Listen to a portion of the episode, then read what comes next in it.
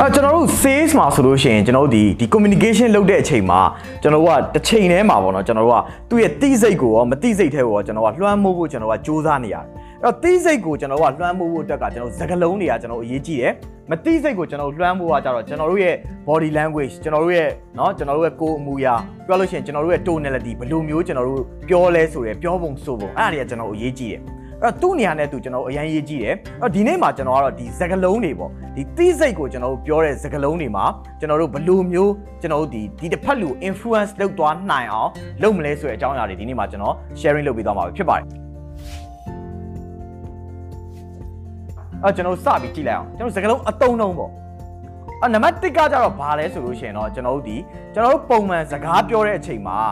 customer ဦးတည်ပြီးတော့အကိုအမ เนาะယူပေါ့เนาะအဲ့ဒီနေရာကနေပြီးကျွန်တော်တို့ဒီ we ကျွန်တော်တို့ကျမတို့ဆိုတဲ့ပုံစံကိုကျွန်တော်တို့ကပြောင်းပြီးတော့ကျွန်တော်တို့အသုံးပြုဖို့ကျွန်တော်တို့လိုအပ်ပါတယ်ဥပမာဆိုလို့ရှိရင်ဗျာเนาะကျွန်တော်ကနေ customer ကိုအကိုဒီပစ္စည်းလေးကြည့်ကြည့်ပါလားဆိုတဲ့ပုံစံမျိုးကျွန်တော်ပြောမယ်ပေါ့အဲ့ဒီအခြေအနေမှာဆိုလို့ရှိရင်များသောအားဖြင့်သူဒီတစ်ခုခုကို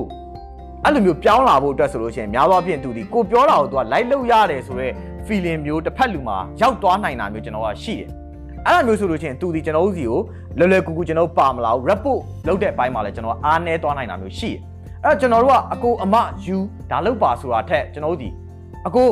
ကျွန်တော်တို့ဒီဟာလေးကိုတစ်ချက်ကြည့်ကြည့်လိုက်ရအောင်နော်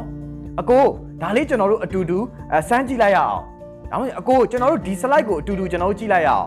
ဆိုလို့ရှိရင်အများကြီးကျွန်တော်တို့ပြောင်းလဲသွားနိုင်ပါတယ် အဲ့တော့သူဒီလဲကျွန်တော်တို့ collaboration သူ့ရဲ့ report သူ့ရဲ့ communication အားလုံးဒီကိုယ့်ဘက်ကို attention ကျွန်တော်တို့ပါလာနိုင်တယ် like လုပ်နိုင်တယ်အဲ့တော့ number 1ကတော့ဘာလဲဆိုလို့ရှိရင်အကိုအမ you ဆိုတဲ့နေရာနေပြီးတော့ကျွန်တော်တို့ကျမတို့ we ဆိုတဲ့ဟာကိုကျွန်တော်တို့ကနေပြီးတော့ပြောင်းလဲပြီးကျွန်တော်တို့အသုံးပြုရမှာပဲဖြစ်ပါတယ်နံပါတ်2ကကြတော့ဘာလဲဆိုလို့ရှိရင်တော့အဲ့ဒါကတော့ဘာလဲဆိုကျွန်တော်တို့ကတစ်ဖက်လူရဲ့ဟာကိုကျွန်တော်ကနေပြီးတော့သိကျင်တယ်ဆိုရဲ stage မှာကျွန်တော်ကနေပြီးတော့တုံးရတာဖြစ်တယ်ကျွန်တော်မေးခွန်းနေမေးတယ်ဗျာဥပမာဆိုကျွန်တော်အကိုဘယ်လောက်တုံးပါလဲ အကိုဘယ်လောက်ရေတွက်ယူမှာလဲတော့အကိုဘယ်ဟာကိုအကိုစဉ်းစားနေလဲစသဖြင့်မေးလို့ရှိရင်လူတွေကဘာဖြစ်လဲဆိုလို့ရှိရင်သူ့ရဲ့တုံးနိုင်တဲ့ budget သူလှုပ်ချင်တဲ့ဟာသူသွားချင်တဲ့အရေးအတွက်အဲ့ဒါတွေကိုသူတို့ကမပြောပြချင်ဘူးပေါ့နော်ပြောပြလိုက်လို့ရှိရင်ကျွန်တော်တို့ကအဲ့ဒီအပေါ်မှာ advantage ယူသွားမှာတစ်ဖက်လူကကြောက်အဲ့တော့မပြောပြဟုတ်တယ်မကျွန်တော်တို့ဆိုလို့ရှိရင်လေကိုပတ်စံဘယ်လောက်သုံးမလဲဆိုတာဗျာမပြောပြချင်ပတ်စံဘယ်လောက်ရှိလဲဆိုတာမပြောပြချင်အဲ့ဒီပုံမှာမူတည်ပြီး तू ကအများဆုံးရအောင် sales ကတော့ရောင်းမှာပဲလို့ तू ကထင်သွားတယ်အဲ့ဒီအတွက်ကြောင့်မလို့ तू တို့ဘယ်တော့မှမပြောပြချင်အဲ့ဆိုကျွန်တော်တို့ဘယ်လိုလုပ်မလဲ အဲ့ဒီနေ့မှာကျွန်တော်သုံးလို့ရတဲ့စကားလုံးလေးအဲ့နေရာမှာနှစ်ခုရှိတယ်ပေါ့နော်ဆိုတော့အဲ့ဒါကိုကျွန်တော်တွဲဆက်ပြီးသုံးတဲ့ဟာလည်းရှိတယ်တလုံးချင်းသုံးတဲ့ဟာလည်းရှိတယ်အဲ့ဒါကိုကျွန်တော်အနေနဲ့ပြောပြသွားပါအဲ့ဒါကတော့ဘာလဲဆိုလို့ရှိရင်တော့ဥမာပုံမှန်တိုင်းကျွန်တော်ကစကားတွေပြောနေကြရပေါ့နော်အရင်ဆုံးကျွန်တော်စကားတွေပြောနေပြောနေပြီးတော့ကျွန်တော်ကနေပြီးသူ့ကိုမေးခွန်းမေးတော့မယ့်အချိန်မှာဆိုလို့ရှိရင်အကိုကျွန်တော်တီးချင်တာလေးတစ်ခုရှိတယ်ဘာလို့ဆိုတဲ့ပုံစံမျိုးပေါ့နော်အမှကျွန်တော်သုံးတဲ့ဟာကျွန်တော်တီးချင်တာလေးတစ်ခုရှိတယ်အကိုဘာလို့အကိုဒါကိုစဉ်းစားနေတာလဲဟုတ်တယ်နော် ဘတ်ဂျက်ကြောင့်လားဆိုတဲ့ပုံစံမျိုးဟုတ်တယ်နော်ဘာလို့လဲအဲ့ဒါလေးကျွန်တော်ကျွန်တော်တီးချင်တာလေးတကယ်တစ်ခုရှိတယ်ကျွန်တော်သိချင်တာလေးတစ်ခုရှိတယ်ကိုရဲ့အလို့လေဘာလို့ဆိုတဲ့ဟာမျိုးကျွန်တော်သုံးတာအဲ့ဒါကိုကျွန်တော်သုံးလိုက်ခြင်းအပြင်တစ်ဖက်လူကတကယ်ဒီလူကတကယ်သိချင်လို့သူ့ကိုမေးတာဗျာဟို advantage ယူချင်လို့မေးချင်တာမဟုတ်ဘူးဆိုတဲ့ပုံစံမျိုးကျွန်တော်ပေါက်ပြီးတော့သူ့ရဲ့အတွင်းထဲကစကားကိုကျွန်တော်ထွက်လာနိုင်တာရှိတယ်အဲ့ဒီအချိန်မှာကျွန်တော်ကတကယ်လို့များ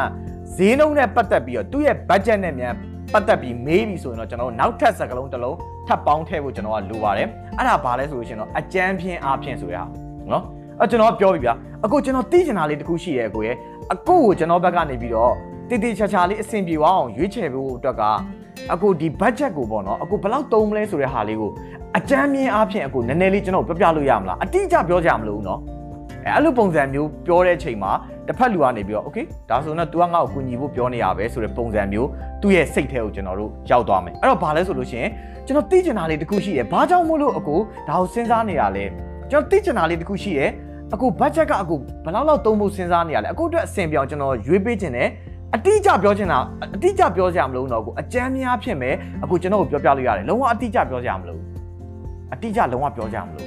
အဲ့တော့ဘာဖြစ်သွားလဲဆိုသူ့ဘက်ကနေပြီးတော့ okay ဒါဆိုရင်တော့သူ့ကိုပြောပြလိုက်ခြင်းအပြင်ငါဒီအကူကြီးရတော့မှာပဲဆိုတဲ့ပုံစံမျိုးပေါက်ပြီးတော့မိတ်ဆွေကိုပြောပြလိုက်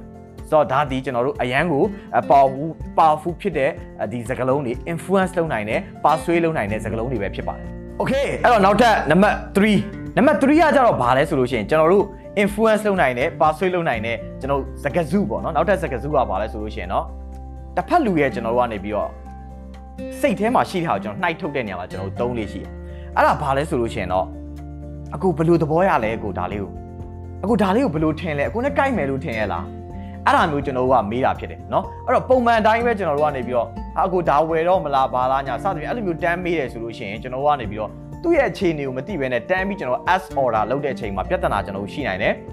အဆင်မပြေရလေးရှိနိုင်အဲ့တော့ကျွန်တော်ကဘာမေးလဲဆိုကျွန်တော် transitioning လုပ်တဲ့အနေနဲ့ကျွန်တော်ဘာလုပ်လဲအခု အခုကျွန်တော်ပြောပြတဲ့ဟာလေးအခုဘယ်လိုသဘောရလဲကိုအခုဒါလေးကိုဘယ်လိုထင်လဲအခုနဲ့ကြိုက်မယ်လို့ထင်လားဆက်ပုံစံမျိုးဖြစ်တဲ့အချိန်မှာသူ့ကိုသူ့ကိုပြန်ရောင်းဖို့အတွက်ကျွန်တော်ကနေပြီးတော့အခွင့်အရေးပေးလိုက်တာဖြစ်တယ်အဲ့တော့တကယ်တမ်း तू ကကြိုက်တယ်လို့ထင်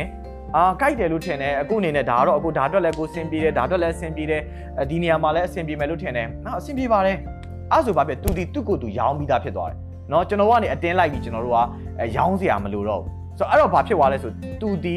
next step တက်ဖို့အတွက် ready ဖြစ်နေပြီဆိုတော့ကျွန်တော်ကနေပြီးတီးလိုက်ရနိုင်ပါတယ်အဲ့တော့ဒါဒီလည်းအရန်ကို powerful ဖြစ်ပြီးသူ့ကိုယ်သူ persuade လုပ်သွားဖို့သူ့ကိုယ်သူကျွန်တော် influence လုပ်တဲ့နေရာမှာလွယ်ကူအောင်ကူညီဖို့အတွက်ကျွန်တော်အခွင့်အရေးပေးလိုက်တာဖြစ်တယ်အဲ့တော့ဘာလဲဆိုလို့ရှိရင်အခုဒါနဲ့ပတ်သက်ပြီးဘယ်လိုသဘောရလဲကိုကျွန်တော်ပြောတာအခုဘယ်လိုသဘောရလဲအခုဒီဟာလေးကိုဘယ်လိုထင်လဲအခုနဲ့ကြိုက်မယ်လို့ထင်လားဆိုတဲ့ပုံစံမျိုးကျွန်တော်ကနေပြီးတော့သုံးတော့အောင်မှာဖြစ်တယ်မိတ်ဆွေတို့ industry နဲ့ကြိုက်အောင်တော့နည်းနည်းလေးပြင်လို့ရတယ်ဒါပေမဲ့ပြောတဲ့ဆိုတဲ့ပုံစံနဲ့စကားလုံးလေးကတော့အများကြီးကျွန်တော်တို့ ပြောင်းလဲလို့ကျွန်တော်တို့မရဘူးဒီပုံစံလေးကျွန်တော်တို့သွားတယ်ဆိုလို့ရှိရင်မိတ်ဆွေတို့အများကြီးအကျိုးကျေးဇူးရှိမှာကျွန်တော်အနေနဲ့ယုံကြည်ပါတယ်။ Okay အဲ့တော့နောက်ထပ် number 4အဲ့ဒါဘာလဲဆိုလို့ရှိရင်တော့အရှိရပိုင်းမှာတော့ကျွန်တော်ဘာလို့တာဆို influence လုပ်တယ်ကျွန်တော်တို့ဒီ persuade လုပ်တယ်ပြီးရင်ဒီစကားလုံးတွေနောက်ထပ်ကျွန်တော်ပြောမဲ့စကားလုံးတွေကဘာလဲဆိုလို့ရှိရင်တော့ကျွန်တော် power words လို့ခေါ်တယ်ကျွန်တော် communication လုပ်တဲ့အချိန်မှာ power words တွေကျွန်တော်သုံးရတယ်အဲ့တော့ power ကြီးတဲ့စကားလုံးတွေပေါ့အဲ့ဒါမျိုးကြီးကျွန်တော်တို့အဲသုံးဖို့လိုအပ်တာမျိုးရှိတယ်အဲ့ဒါဘာတွေလဲဆိုလို့ရှိရင် အကိုဒါအကိုအတွက်အကောင်းဆုံးပဲအဲ့ဒါမျိုးအကိုဒါအကိုအတွက်ကျွန်တော်အခုနားထောင်ကြည့်ရသလောက်ကျွန်တော်အခုအကိုနဲ့စကားပြောရသလောက်ဆိုရင်အကိုအတွက်ဒါအကောင်းဆုံးပဲအဲ့ဒါဘာလဲဆိုလုံးဝ powerful ဖြစ်တဲ့ word စီကျွန်တော်ဖြစ်တယ်ဒါအကိုအတွက်အကောင်းဆုံးပဲကျွန်တော်နားထောင်ကြည့်သလောက်စကားပြောကြည့်သလောက်ဒါအကိုအတွက်အကောင်းဆုံးပဲအဲ့တော့ customer အနေနဲ့စိတ်တဲ့ဒိန်းဆိုကျွန်တော်ဝင်သွားပြီးတော့ okay ဒါငါအတွက်အကောင်းဆုံးပဲဆိုတဲ့ပုံစံမျိုးကျွန်တော်ရောက်သွားတယ် ဆိုတော့ဒါဒီနောက်ထပ်ပထမဆုံးကျွန်တော်တို့ဒီ power words အနေနဲ့ကျွန်တော်တို့သုံးလို့ရဖြစ်တယ်နောက်တစ်ခု power words ကတော့ဘာလဲဆိုလို့ရှိရင်တော့ဒါမျိုးသူ့မှာပဲပါတယ်ဟုတ်နော် exclusive ဖြစ်တာကိုပြောတာဥပမာဆိုရှင်အခုဒီလို function မျိုးကအကူသူ့မှာပဲပါတယ်တခြားဘယ်ပစ္စည်းမှမပါဘူးဆိုတဲ့ဟာမျိုးအဲ့အဲ့ဒါလည်းကျွန်တော်အရန်ကို powerful ဖြစ်တဲ့ words အနေနဲ့ကျွန်တော်တို့သုံးလို့ရပါတယ် နောက်တစ်ခုကကြတော့ဘာလဲဆိုရင်ဒီ power word ဆဲမှာပဲနောက်နောက်ဆုံးစကားလုံးပေါ့နော်၃လုံးဒါ example အနေနဲ့သုံးတဲ့နောက်ဆုံးစကားလုံးပေါ့ကျန်တာတွေလည်းကျွန်တော်အများကြီးရှိတယ်အဲ့ဒါဘာလဲဆိုလို့ရှိရင်တော့ကျွန်တော်တို့ဒီကျွန်တော်ပထမဆုံးနဲ့နော် one and only ပေါ့နော် first ဒါမှမဟုတ်ရှင် one and only ဆိုတဲ့စကားလုံးတွေဖြစ်တယ်ဒါအခုပထမဆုံးဒီဟာမှာစပြီးကျွန်တော်တို့ပါတာပဲအဲ့ဒါမျိုးပြီးရင်သူ့မှာပဲပါတယ်သူတခုပဲရှိရဲကိုဒါမျိုးอ่ะဆိုတဲ့ပုံစံမျိုးအဲ့ဒါမျိုးကျွန်တော်တို့သုံးလို့ရတယ်ဒါတွေကတော့ကျွန်တော်တို့ power words တွေပဲဖြစ်တယ်အဲ့တော့ကျွန်တော်တို့ဒီကျွန်တော်တို့ဒီ communication လုပ်တဲ့အချိန်မှာကျွန်တော် body language စီ tonality တွေဒါတွေကိုသုံးနေရင်းနဲ့တကယ်ဒီ power words တွေပြီးကျွန်တော်အပေါ်မှာပြောခဲ့တဲ့ influence လုပ်နိုင်တဲ့စကားလုံးတွေ persuade လုပ်နိုင်တဲ့စကားလုံးတွေကျွန်တော်ညှက်ပြီးသုံးတယ်ဆိုလို့ရှိရင် ကျွန်တော်ဒီเนาะသူ့ရဲ့မတိစိတ်ကိုရောတိစိတ်မှာကျွန်တော် logical ဘိုင်းမှာသူဆုံးဖြတ်တဲ့အပိုင်းတွေမှာကျွန်တော်အားလုံးကျွန်တော် cover လုပ်ပြီးသားဖြစ်သွားပြီဒီ sales communication ကျွန်တော် rapport လုပ်တဲ့နေရာမှာ control လုပ်တဲ့နေရာမှာ closing လုပ်တဲ့နေရာမှာအရန်ကိုကျွန်တော်တို့အဆင်ပြေမှာပဲကျွန်တော်တို့ဖြစ်ပါတယ်ဆိုတော့အခုလိုမျိုးကျွန်တော်ဒီလိုမျိုးတန်ဖိုးရှိတဲ့အရာတွေကျွန်တော်တို့ knowledge အတွက်ကျွန်တော်တို့အရန်ကိုတန်ဖိုးရှိတဲ့အရာကျွန်တော်ရဲ့ page မှာကျွန်တော် sharing လုပ်ပေးနေတယ်တခြား channel တွေလည်းရှိပါတယ် YouTube ကျွန်တော် Instagram LinkedIn ဒါတွေလည်းကျွန်တော်ရှိပါတယ်အဲ့တော့ make sure အနေနဲ့ subscribe လုပ်ထားပါ follow လုပ်ထားပါနောက်ထပ် video တွေမှာလည်းဒီတက်ပိုကောင်းတဲ့အရာတွေဒီတက်မလျော့တဲ့အရာတွေကျွန်တော်တွေအနေနဲ့ sharing လုပ်ပေးသွားဖို့အဲကျွန်တော် plan လုပ်ထားပါတယ်အဲ့တော့အားလုံးနောက်ထပ် video မှာပြန်တွေ့ပါမယ်ကျေးဇူးတင်ပါတယ်ဗျာ